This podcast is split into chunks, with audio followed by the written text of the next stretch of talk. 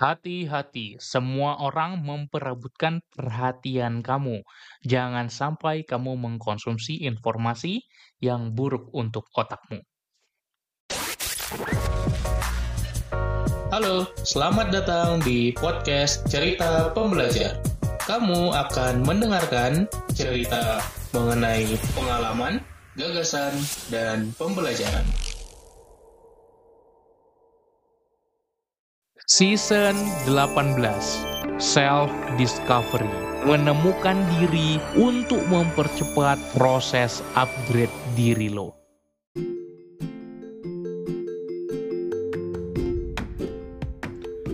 Hai Sobat Pembelajar, kali ini gua pingin langsung to the point aja Karena ini benar-benar urgent sebetulnya di era sosial media sekarang ini Di era informasi, coba ayo kita jaga otak kita Kita jaga pikiran kita.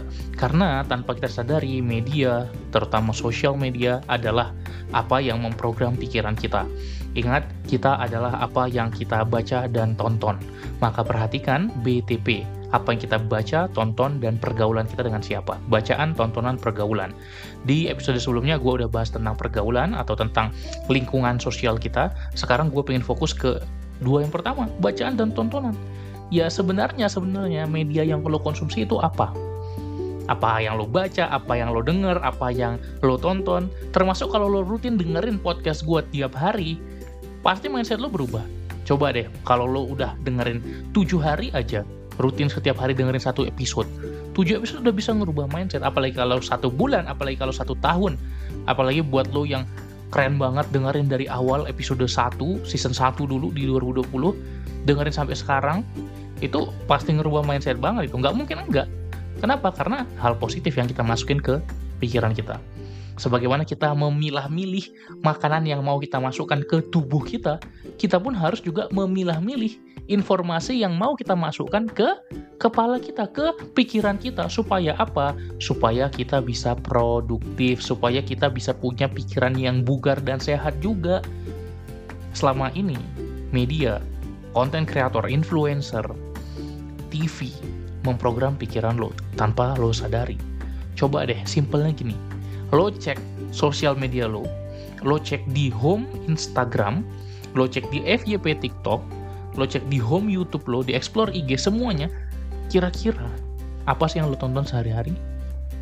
Apa yang muncul di sana itu gambaran dari pikiran lo karena sosial media sebegitu cerdas algoritmanya untuk membaca pikiran kita. Lewat apa? Lewat pola konsumsi informasi yang kita lakukan. Jadi pertanyaan tuh hari ini simpel. Apa sih yang sering lo tonton? Apa sih yang sering lo baca? Apa sih yang sering lo uh, konsumsi informasinya? Podcast apa yang lo dengerin? Karena kita bayar buat nonton itu semua.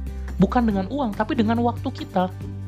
Dengan waktu kita kita bayar sekian menit, kadang sekian jam untuk baca suatu buku, untuk nonton video, dengerin podcast. Jangan mau menyanyiakan waktu lo yang sangat berharga itu.